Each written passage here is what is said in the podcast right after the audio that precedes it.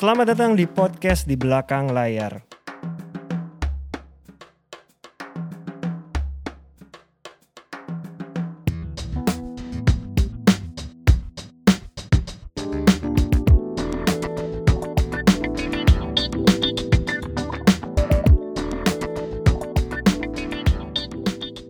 Halo teman-teman pendengar podcast di belakang layar. Selamat tahun baru 2021. Kita masuk di 2021 kita ngobrol berdua dulu sama Mas Sulung ya. Kita mungkin akan segera ada bintang tamu di episode berikutnya. Ya. Semoga pekerjaan-pekerjaan teman-teman sudah mulai Normal kembali. normal. Mungkin walaupun belum 100% tapi sudah mulai Mendekati lah pokoknya. bertumbuh lah terus Iya, lah ya. iya. Ibaratnya tabel Excelnya udah nggak kosong lah mas sekarang. Udah ada Itu isinya. istilahnya itu tuh. Nah kita mau ngobrolin sebuah topik yang sangat dekat dengan manajer artis. Yaitu nego.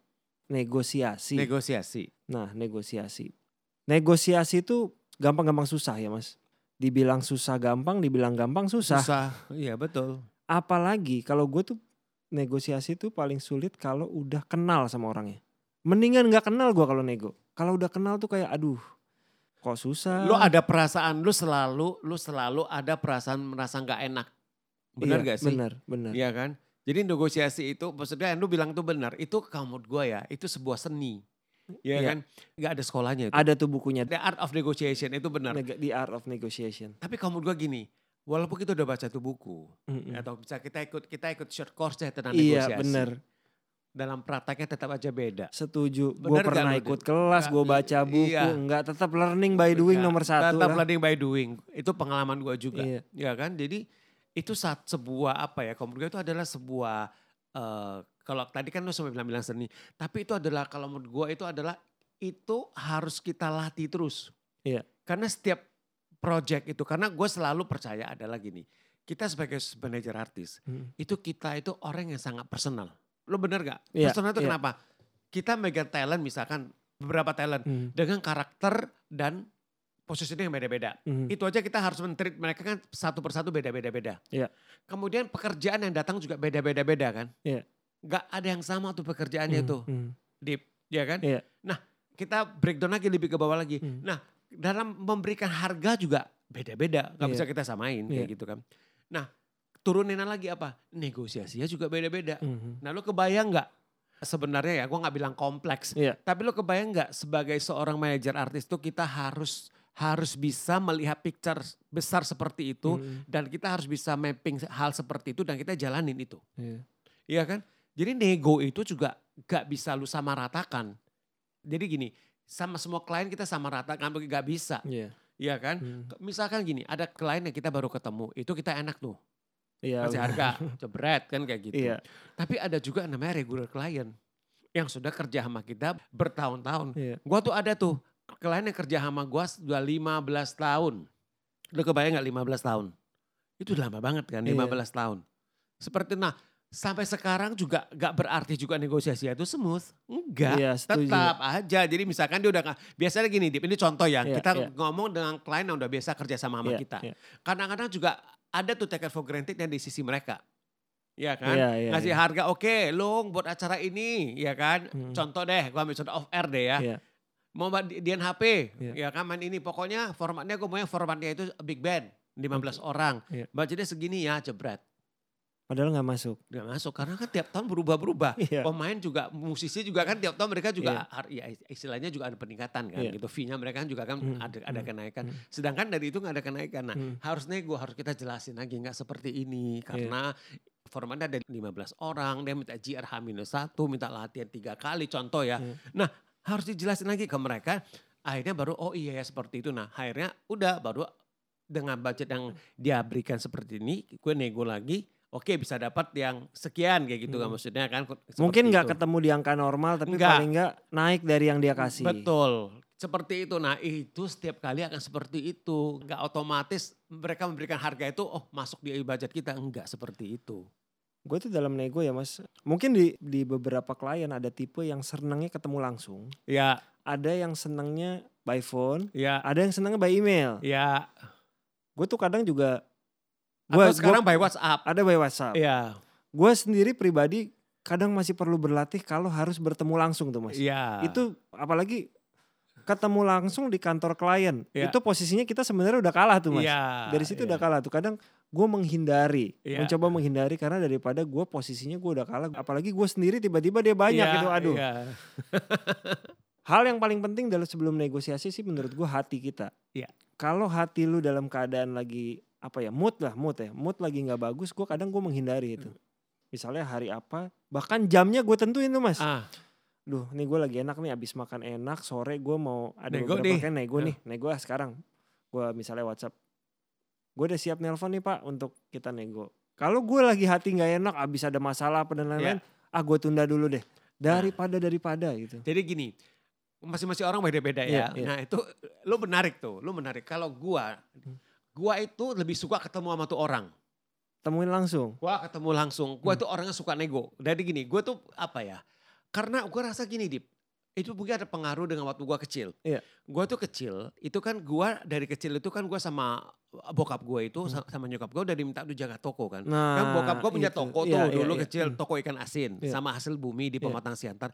Jadi kok dari umur 6 tahun sampai gua SMA, gua tuh tiap hari tuh pulang sekolah gua jaga toko. Oke. Jadi kok melihat kan Hmm. bagaimana nyokap gua itu nego sama Hmm, hmm. pembeli ya kan. Ada Gimana pem- gimana jual mahalnya ya? gimana jual gimana dia itu jual apa dia menghadapi pembeli yang memberi dalam partai besar kemudian yang membeli eceran kan kayak Hmm, gitu kan dan itu semuanya gue melihat mempelajari proses tawar menawar mereka Oke. ngototnya alotnya segala macam ya kan dan kemudian dalam perjalanannya semakin gue besar kan gue udah gua kan udah melayani pembeli Iya, juga kan iya. Jadi kayak kayak orang mau beli ikan kembung sekilo ikan teri setengah kilo seperempat Hmm. gitu beli rokok beli beras apa segala macam nah jadi gue dari sana gue udah mulai gue udah nego karena Hmm. apa karena mereka naik gue harga berapa gue ngasih harga mereka nawar gue naik ke bokap gue atau ke nyokap gue bisa nggak se- seperti itu enggak pokoknya harga paling bawah sekian jadi memang tanpa disadari gue udah belajar tuh di gitu Iya. loh nah Lu udah itu- pegang basicnya harganya. Nah, dari ternyata kebawa sampai sekarang. Oke. Jadi kalau gue pribadi, gue mau diajak meeting, gue seneng. Karena maksud gue, oke nggak apa-apa, gue nego aja. Gitu lah. Penting gini, sebelum gue maju, Lu udah sama talent gue dulu nih. Lu udah Oke, siap ya? Gue udah siap. Gue nggak mau kalau gue nggak siap nih gitu Hmm. loh. Jadi kalau gue siap, gua, gua, dia ngajak ketemu, gue ketemu. Oke, mau di berapa dulu? Plafonnya di berapa nih? Bottomnya berapa? Bottomnya di berapa? Bottomnya di berapa? Nah begitu di, eh, dari talent udah ngasih bottom, gitu udah sepakat, gue maju gitu loh maksudnya. Dan Oke. dan biasanya gini Dip, kalau uh, uh, gue itu cukup menikmati proses nego. Kadang-kadang gini kan, nego kan nggak selalu cepet kan. Iya, Ada yang lama. betul. Ada dengan kita de, uh, misalnya nego dengan klien ya, dengan Hmm. klien dengan PH. Ada yang cepet, ada yang lama. Iya. Gue pernah nego satu film Dip, Hmm, setengah jam gue kelar. Oke. Ketok palu setengah jam, deal setengah jam. Oke. Tapi ada satu Iya. setengah bulan gak kelar-kelar. Ada kok mas sampai podcast ini jalan gue masih ada satu nih. Iya kan? Nggak kelar-kelar. Apa yang terjadi ketika pertemuan lu lakukan dan gak deal? Lu pulang lagi berarti? pulang pulang berarti gini oke kita ngomongin lagi ya gini karena kan gue dengan udah udah dengan angka yang gue ini kan Iya. nah gue kan har- harus diskusi dengan talent gue gue nggak bisa mutusin kita Iya. nggak bisa mutusin sendiri Iya, kan kita harus iya. ngomong lagi Iya. kan Hmm. Nah, dalam proses kita ngomong itu kan kadang kadang-kadang talent kita lagi syuting film kita bisa ganggu dia dong Hmm, atau dia hmm. lagi cuti Hmm, ya kan iya. jadi gue bilang oke ngasih waktu ya dua tiga hari gue akan diskusi lagi sama talent gue nanti kita ngomongin nah biasanya next itu gue udah nggak ketemu lagi cukup dengan telepon Ya, oke. Kayak gitu Iya. loh. Intinya pertama kali lu pertama lakukan kali. itu ya? Jadi misalkan mereka mau itu gue datang udah kita nih gue ya nggak apa-apa gitu loh. Nah, Hmm. jadi itu sebenarnya kamut gue ya itu satu seni yang asik sih sebenarnya gue itu sih iya. kamut gue. Kalau gue pribadi, gue yang gue hindarin adalah biasanya justru ya mas, Ya. em, dealing-dealing dadakan. Jadi Contohnya misal contoh, gue diundang meeting nih. ya Meeting doang obrolannya, nggak ada Iya. urusan. ya Ternyata dia langsung menawarkan penawaran, memberikan penawaran. ya Udah lu langsung aja lah jadi talent gue main di film ini Iya. nih, budget gue segini, mau nggak? Gue keterkadang kalau sesuatu yang dadakan menurut gue suka yang ah ini gue nggak rencanain kok. Jadi gue akhirnya nggak deh kalau lu butuh kejawaban gue sekarang enggak. Tapi kalau lu minta gue berpikir dulu, gue akan pertimbangkan. sama gue nggak mau juga seperti Iya itu. kan? Gue nggak mau on the spot gini gue nggak mau. Hmm. Gue nggak mau karena banyak banget obstacles yang nggak nggak bisa nggak nah, ya, hal yang nggak bisa kita antisipasi Iya. sebenarnya. Dan nggak kadang-kadang kita suka gelap mata. Iya. Apalagi hanya hanya rupiah kan? Nah Kok angkanya lebih besar dari yang Nah, biasanya? Iya. Jadi ah, jadi gini agak hati-hati sama euforia, Iya. iya kan. iya. Nah gue belajar sih, gue belajar, Mm-mm. gue belajar dengan hal seperti itu. Jadi kayaknya enggak deh, enggak. Iya. Tunggu dulu, sabar dulu deh. Nah, gue sekarang belajar kayak gitu. Biasa kalau gue gue gini, gue orangnya juga lu tahu gue ya, Dip. Iya. Gue tuh orangnya juga kan pengennya cepet selesai, Iya. cepet lock, cepat apa. Hmm. Tapi dengan perjalannya waktu dan Hmm, dengan hmm. berbagai macam pengalaman ya Iya. dan jatuh bangun yang gue hadapin itu, gue jadi sekarang jadi lebih hati-hati. Jadi lebih gak mau apa ya, gak mau impulsif. Iya Kedua gak impulsif. Setuju, setuju. Iya kan gak impulsif dan lebih apa? Lebih tenang. Lebih tenang melihat situasi sama kondisi. Oh jangan, Hmm. oke jangan, jangan langsung lolok deh, jangan cekosot, jangan cepet-cepet. Ada karena gini, dalam banyak hal itu justru kalau terlalu cepat tuh malah nggak bagus. Iya, Gue belajar dari, gue belajar hmm, ya gitu. hmm. Jadi gue belajar untuk ngerem diri gue, untuk ngerem diri gue nih, Hmm, karena gue hmm. orangnya pengen cepet. Iya. Semua pengen cepet, tapi gue bilang enggak, enggak jangan. Untuk ini nggak boleh cepet, harus butuh waktu nggak apa-apa. Nggak akan ke mana-mana kok. Misalkan kalau mereka mau talent kita ya mereka akan ngejar kok kayak gitu loh maksudnya. Jangan kita yang kehebohan Iya, juga iya, gitu loh iya. maksudnya. Karena Seperti kadang itu. di link dadakan itu ada sesuatu yang kita nggak lihat dari aspek yang lain. Iya, Kadang-kadang hanya karena satu hal misalnya contoh rupiahnya gitu, angkanya besar, Iya. kita ngelihatnya fokusnya ke situ. iya, Padahal ketika kita pulang ngobrol sama talent, talent kita malah punya aspek yang lain. iya. Kalau lu ambil ini, nantinya ini gimana, Gimana? ini gimana, ini Nah, gimana. iya, iya. Oh iya, akhirnya baru oh iya juga ya. Ya, gitu. kadang-kadang juga gini juga kita harus hati-hati adalah mereka over angka. Mm-mm. Kadang-kadang SO-nya gak detail. Iya, Itu yang iya, ngeri. Iya, iya. Itu yang gua jaga. Mm-mm. Nah jadi gini Dip, kalau pengalaman gue ya, Mm-mm. kalau yang nego yang dadakan yang hari itu juga kita tawarin dan mereka minta di lock itu kita harus agak hati-hati karena kadang-kadang itu SO-nya nggak jelas, Iya. nggak lengkap bukan nggak jelas, nggak Hmm, lengkap. Nah jadi jangan sampai begitu kita udah okein dan Hmm. kemudian kita pikirnya SOW-nya cuma uh, 5, Mhm. ternyata dari the client tuh ngasih SOW itu SOW-nya ada 10. Iya. Nah itu kan agak berabe ke talent kita, Iya. iya kan? Karena belum tentu mereka mau loh, Iya. iya kan? Mhm. Karena bagaimanapun juga kalau prinsip gua di Avatar 88 itu kan semua kerjaan itu baik itu fee, baik itu SOW itu kan semua kita ngomongin sama-sama. Iya. Karena apa mereka yang jalanin. Betul. SOW-nya mereka yang jalani bukan kita Hmm, gitu hmm, loh maksudnya. hmm, hmm. Kalau mereka nggak nyaman ya nggak akan nggak akan fulfill gitu loh. Iya. Nah itu yang gua jaga. Sebenarnya hal terpenting dari nego sih menurut gue mental ya. Iya. Mental tuh kalau dari gue ingat awal-awal ya dari aw- awal-awal kita ketemu dengan ibaratnya lawan nego kita yang udah senior tuh Iya. kadang mental kita udah di kita di Tuh, tuh, bawah di dulu bawah tuh. di bawah tuh Ha-ha. kadang bikin duh gue ngasih harga segini kemahalan nggak ya Iya. Lu ada perasaan kayak gitu tuh? iya Heeh. apalagi namanya nego Iya. nggak mungkin habis ngasih harga langsung salaman oke Iya, kan pasti iya. lah ditawar mah pasti kan jadi kadang tuh gue belajarnya adalah gimana caranya ini hati harus tenang dulu nih Betul. mental tuh kalau udah itu dia gue gue sejujur sampai hari ini pun masih latihan kalau datang ke tempat Iya. eh, lawan nego yang means tempatnya klien Iya, gitu iya. itu gue ada kadang peras- terintimidasi. iya Iya. apalagi gue sekarang sih udah bawa tim gitu supaya Iya. bukan gue bawa temen tapi Iya. lebih kepada temen tim gue latihan dan kedua Iya. Ibarat kalau gue main bola 11 lawan 11 Iya, dong. iya. Jangan jangan gue Iya. lo bertiga gue sendiri. Lo Iya. pasti akan defense-nya banyak kan. Iya, iya. Betul. Memang gue sendiri sih kalau pertemuan langsung jujur jarang yang ada tapi jarang yang Iya. langsung. Pasti ujung-ujungnya diselesain di luar sih by Iya, phone, by by, phone apa. email gitu benar, kan. benar, benar. Iya. Jadi menurut gue itu benar. Yang lu bilang itu bahwa nego itu lebih ke mental sih. Iya. Bagaimana itu kita itu yakin kita itu firm seperti Iya. itu. Mhm. Iya kan? Nah, yang satu hal juga kamu gue yang harus kita apa ya? Ini yang sampai sekarang juga gue masih belajar. Mhm. Gue yakin, gue yakin juga gini ya. Adalah kalau kita nego dengan orang udah kita kenal baik. Iya. Ya kan? Kita udah Mhm. kenal baik, kita udah kerja sama dengan mereka bertahun-tahun. Mhm. Terus kemudian kita ambil contoh film deh. Hmm. Film-film di mana kita main di sana itu filmnya box office. Iya. Iya kan? Mhm. Gitu loh maksudnya. Dan kemudian ada film itu karena box office. Ada peningkatan karir yang signifikan terhadap karir dari Oke. talent kita kan Iya. seperti itu. Mhm. Nah itu yang kita itu gak boleh terintimidasi nih. Apalagi gue. ketika dia langsung defense dengan Iya. membandingkan. Membandingkan.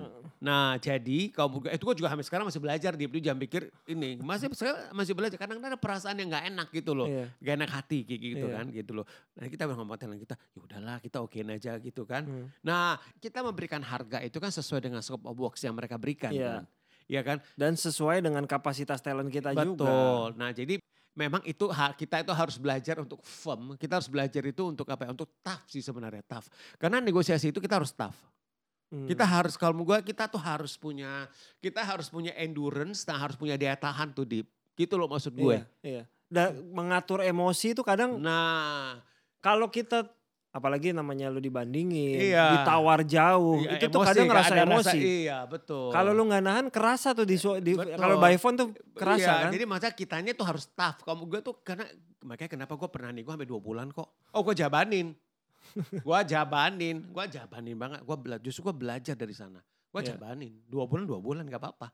Kayak gitu. Gue bilang sama Thailand gue, lu, lu masih mau gak eh, ini? Oke udah gue jalanin. Gue bilang Iya gitu. kadang kan talent, gue mau selama Iya. sesuai dengan angka yang Iya. sudah kita sepakati. Iya seperti itu. Jadi nah kitanya juga dari sisi gua sebagai manajer gitu ya. Gua juga belajar maksudnya Iya. jangan jangan ini deh jangan gampang-gampang mau uh, close deal gitu loh. Jangan, Iya. jangan mau gam, close mau gampangin apa. Iya. Karena kan gini kita kan dalam satu hari kita bisa nego 5 lima enam kerjaan loh. Iya benar. Iya kan? Kadang-kadang kita pengen cepat aja ini ini kelar ini kelar ini kelar. Tinggal sisa dikit lagi Iya gitu tinggal kan. dikit lagi tapi kita juga harus mikirin kepentingan dari talent kita juga Iya. dia happy enggak dia ini enggak jangan cuma semata-mata kemauan kita aja Iya. gitu nah itu gue belajar itu deep gitu loh Yang tricky adalah ketika gue ya ada beberapa kali pengalaman ya. Kita nego di sebuah job yang kita tuh pengen. ya Kita coba lempar angka dulu deh. ya Tapi gue udah tahu nih kalau gue terlalu tinggi, gue bisa lepas nih job ini. Iya, iya. Yang dapat ada, yang lepas gue juga ada Iya. gitu. Kadang-kadang gue, aduh gimana nih cara mengatur supaya gue bisa lempar. At least gue dapat angka dulu deh. Iya. Tapi gue nggak kehilang kerjaannya. Tapi Iya. kadang-kadang waktu timing juga kita kan kadang juga nggak mau buru-buru. Iya, tapi, Tapi kita di Gara, push gara iya di push. untuk ha- harus deal sekarang. Nah, atau ada job lagi yang satu lagi. Kita nggak mau buru-buru, kita tunda eh lepas. Iya. Gue tuh sempet tuh yang Iya. gue bilang ke klien gitu kasih gue waktu ya satu dua hari untuk berpikir tawaran yang dia berikan gue tuh mau pekerjaannya tapi memang angkanya misalnya terlalu jauh gitu kasih gue waktu mikir dikit aja apakah apakah banyak plusnya apa gimana kan Tautonya hilang aja. hilang oh sorry mas karena mas terlalu lama mikir loh padahal kan kita udah tahu mau Iya, mikir dulu tapi ya iya. namanya klien mungkin Iya. keputusan dia gitu kan Iya benar, benar. Ya itu maksud gue gini, untuk negosiasi itu kita belajar banyak sih satu. Mm, mm. Kita belajar banyak untuk mengenal karakter orang sebenarnya satu Iya, kita belajar iya. mengenai karakter manusia ya. Iya. Itu kita belajar banyak dari negosiasi. Iya kan? Iya. Itu yang gue rasakan kayak gitu loh.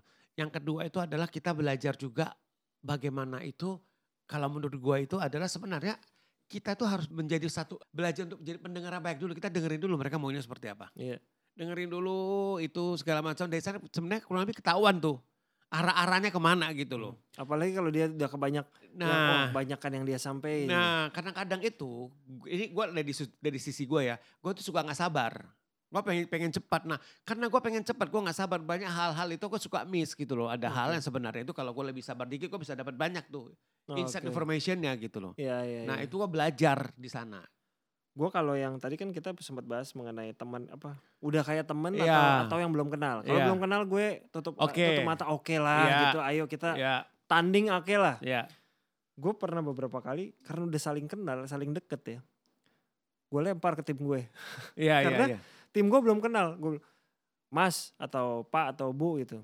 Eh, untuk yang ini kebetulan nggak di handle saya tapi di handle tim saya. Ya, betul. Karena kalau udah ke gue pasti ujung atau kadang-kadang ada yang udah gue lempar tim gue ujung-ujungnya balik ke gue juga. Tapi ada beberapa kali nggak mau sama orang lain, maunya sama kita. Iya, itu dia. Untuk Itu- yang ini Itu yang mau nggak mau kita harus terima itu. lempar ke dia tapi ujung-ujungnya enggak lah sama Dipa aja. Iya, Aduh. iya. Karena udah biasa sama kita kan. Nah Iya. itu. Enggak, kadang-kadang ada dua tuh Mas. Ada biasa sama kita atau udah tahu kelemahan gue. Iya, jadi dia udah ngerti Udah bagaimana tahu. ngomong sama lu. Udah tahu atau Pak. gimana cara ngomong sama gue. Iya. kan? Udah Oh, tahu lah cincai. kali dari daripada Di, gue. cincai, kalau- cincai. Kalau gitu. ketemu lawan baru lagi dia harus latihan Iya, lagi latihan kan. lagi. Betul, setuju gua.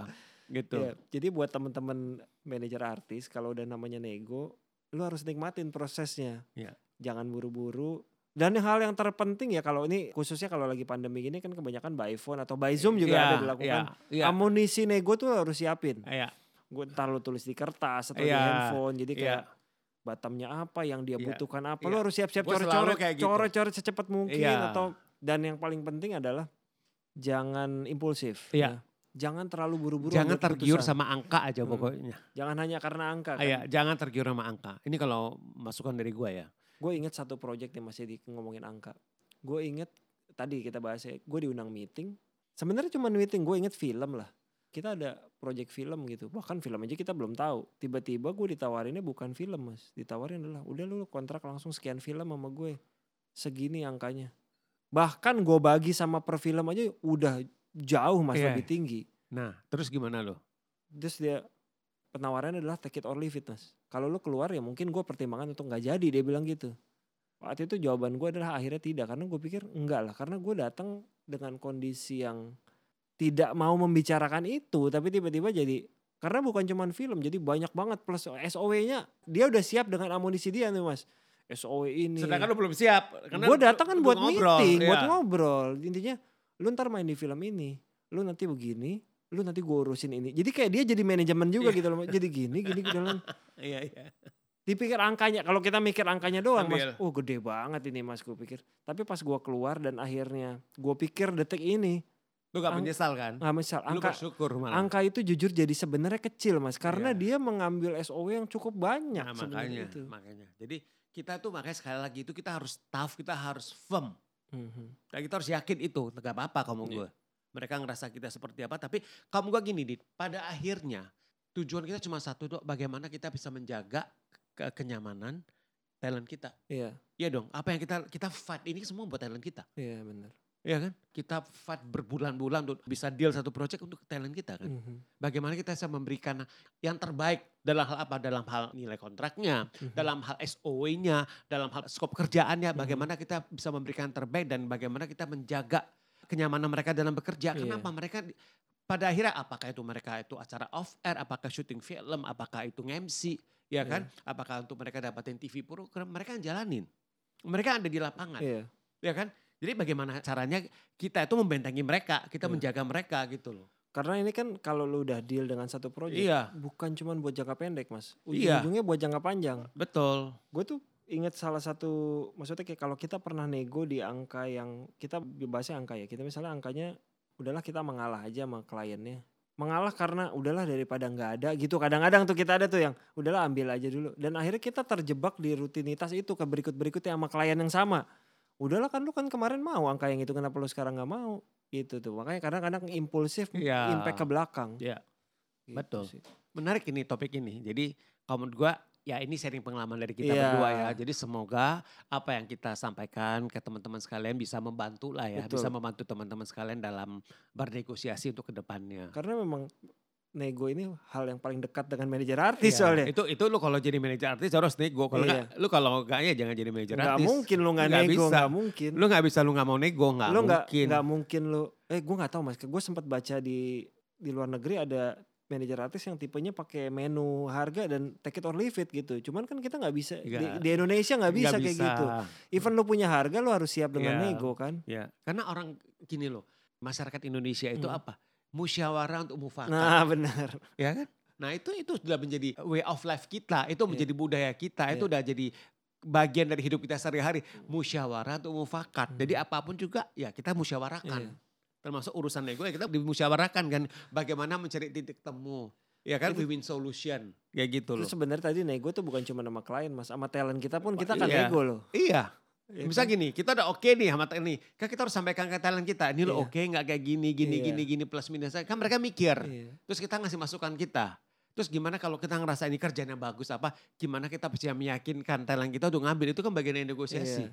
Dan siapa tahu kan ternyata kita udah nego, kliennya udah oke, talentnya nggak mau. Nah, Ya, kita harus nggak sampai jadi. lagi ke klien, eh, Nah, klien nggak kita jadi. nggak bisa ngambil. Nah, Iya. jadi sebenarnya apa? Nego itu adalah bagian dari hidup kita. Itu adalah pekerjaan sehari-hari kita. Kalau mau di Islam makanan kita sehari-hari Hmm, nego itu. hmm, hmm. Part of our life kalau menurut gue sih. Betul. Nggak bisa kita hindarin seperti itu. Jadi teman-teman selamat bernegosiasi, Iya, selamat belajar karena nego itu hanya bisa dilakukan dengan belajar. Lo Belajar. mau ikut training nego sampai karena Iya. kan nego kan banyak trainingnya tuh iya, mas. oh banyak banget. Lo mau ikut training bahkan gue nonton di master class juga Iya. tetap aja harus gue lakukan Iya, gitu kan. Iya. Terima kasih sudah mendengarkan. Selamat menego dan selamat semoga berhasil dengan negonya. Iya. Dan sampai bertemu lagi di episode selanjutnya di 2021 ya. Ya, Terima kasih. Terima kasih teman-teman semuanya.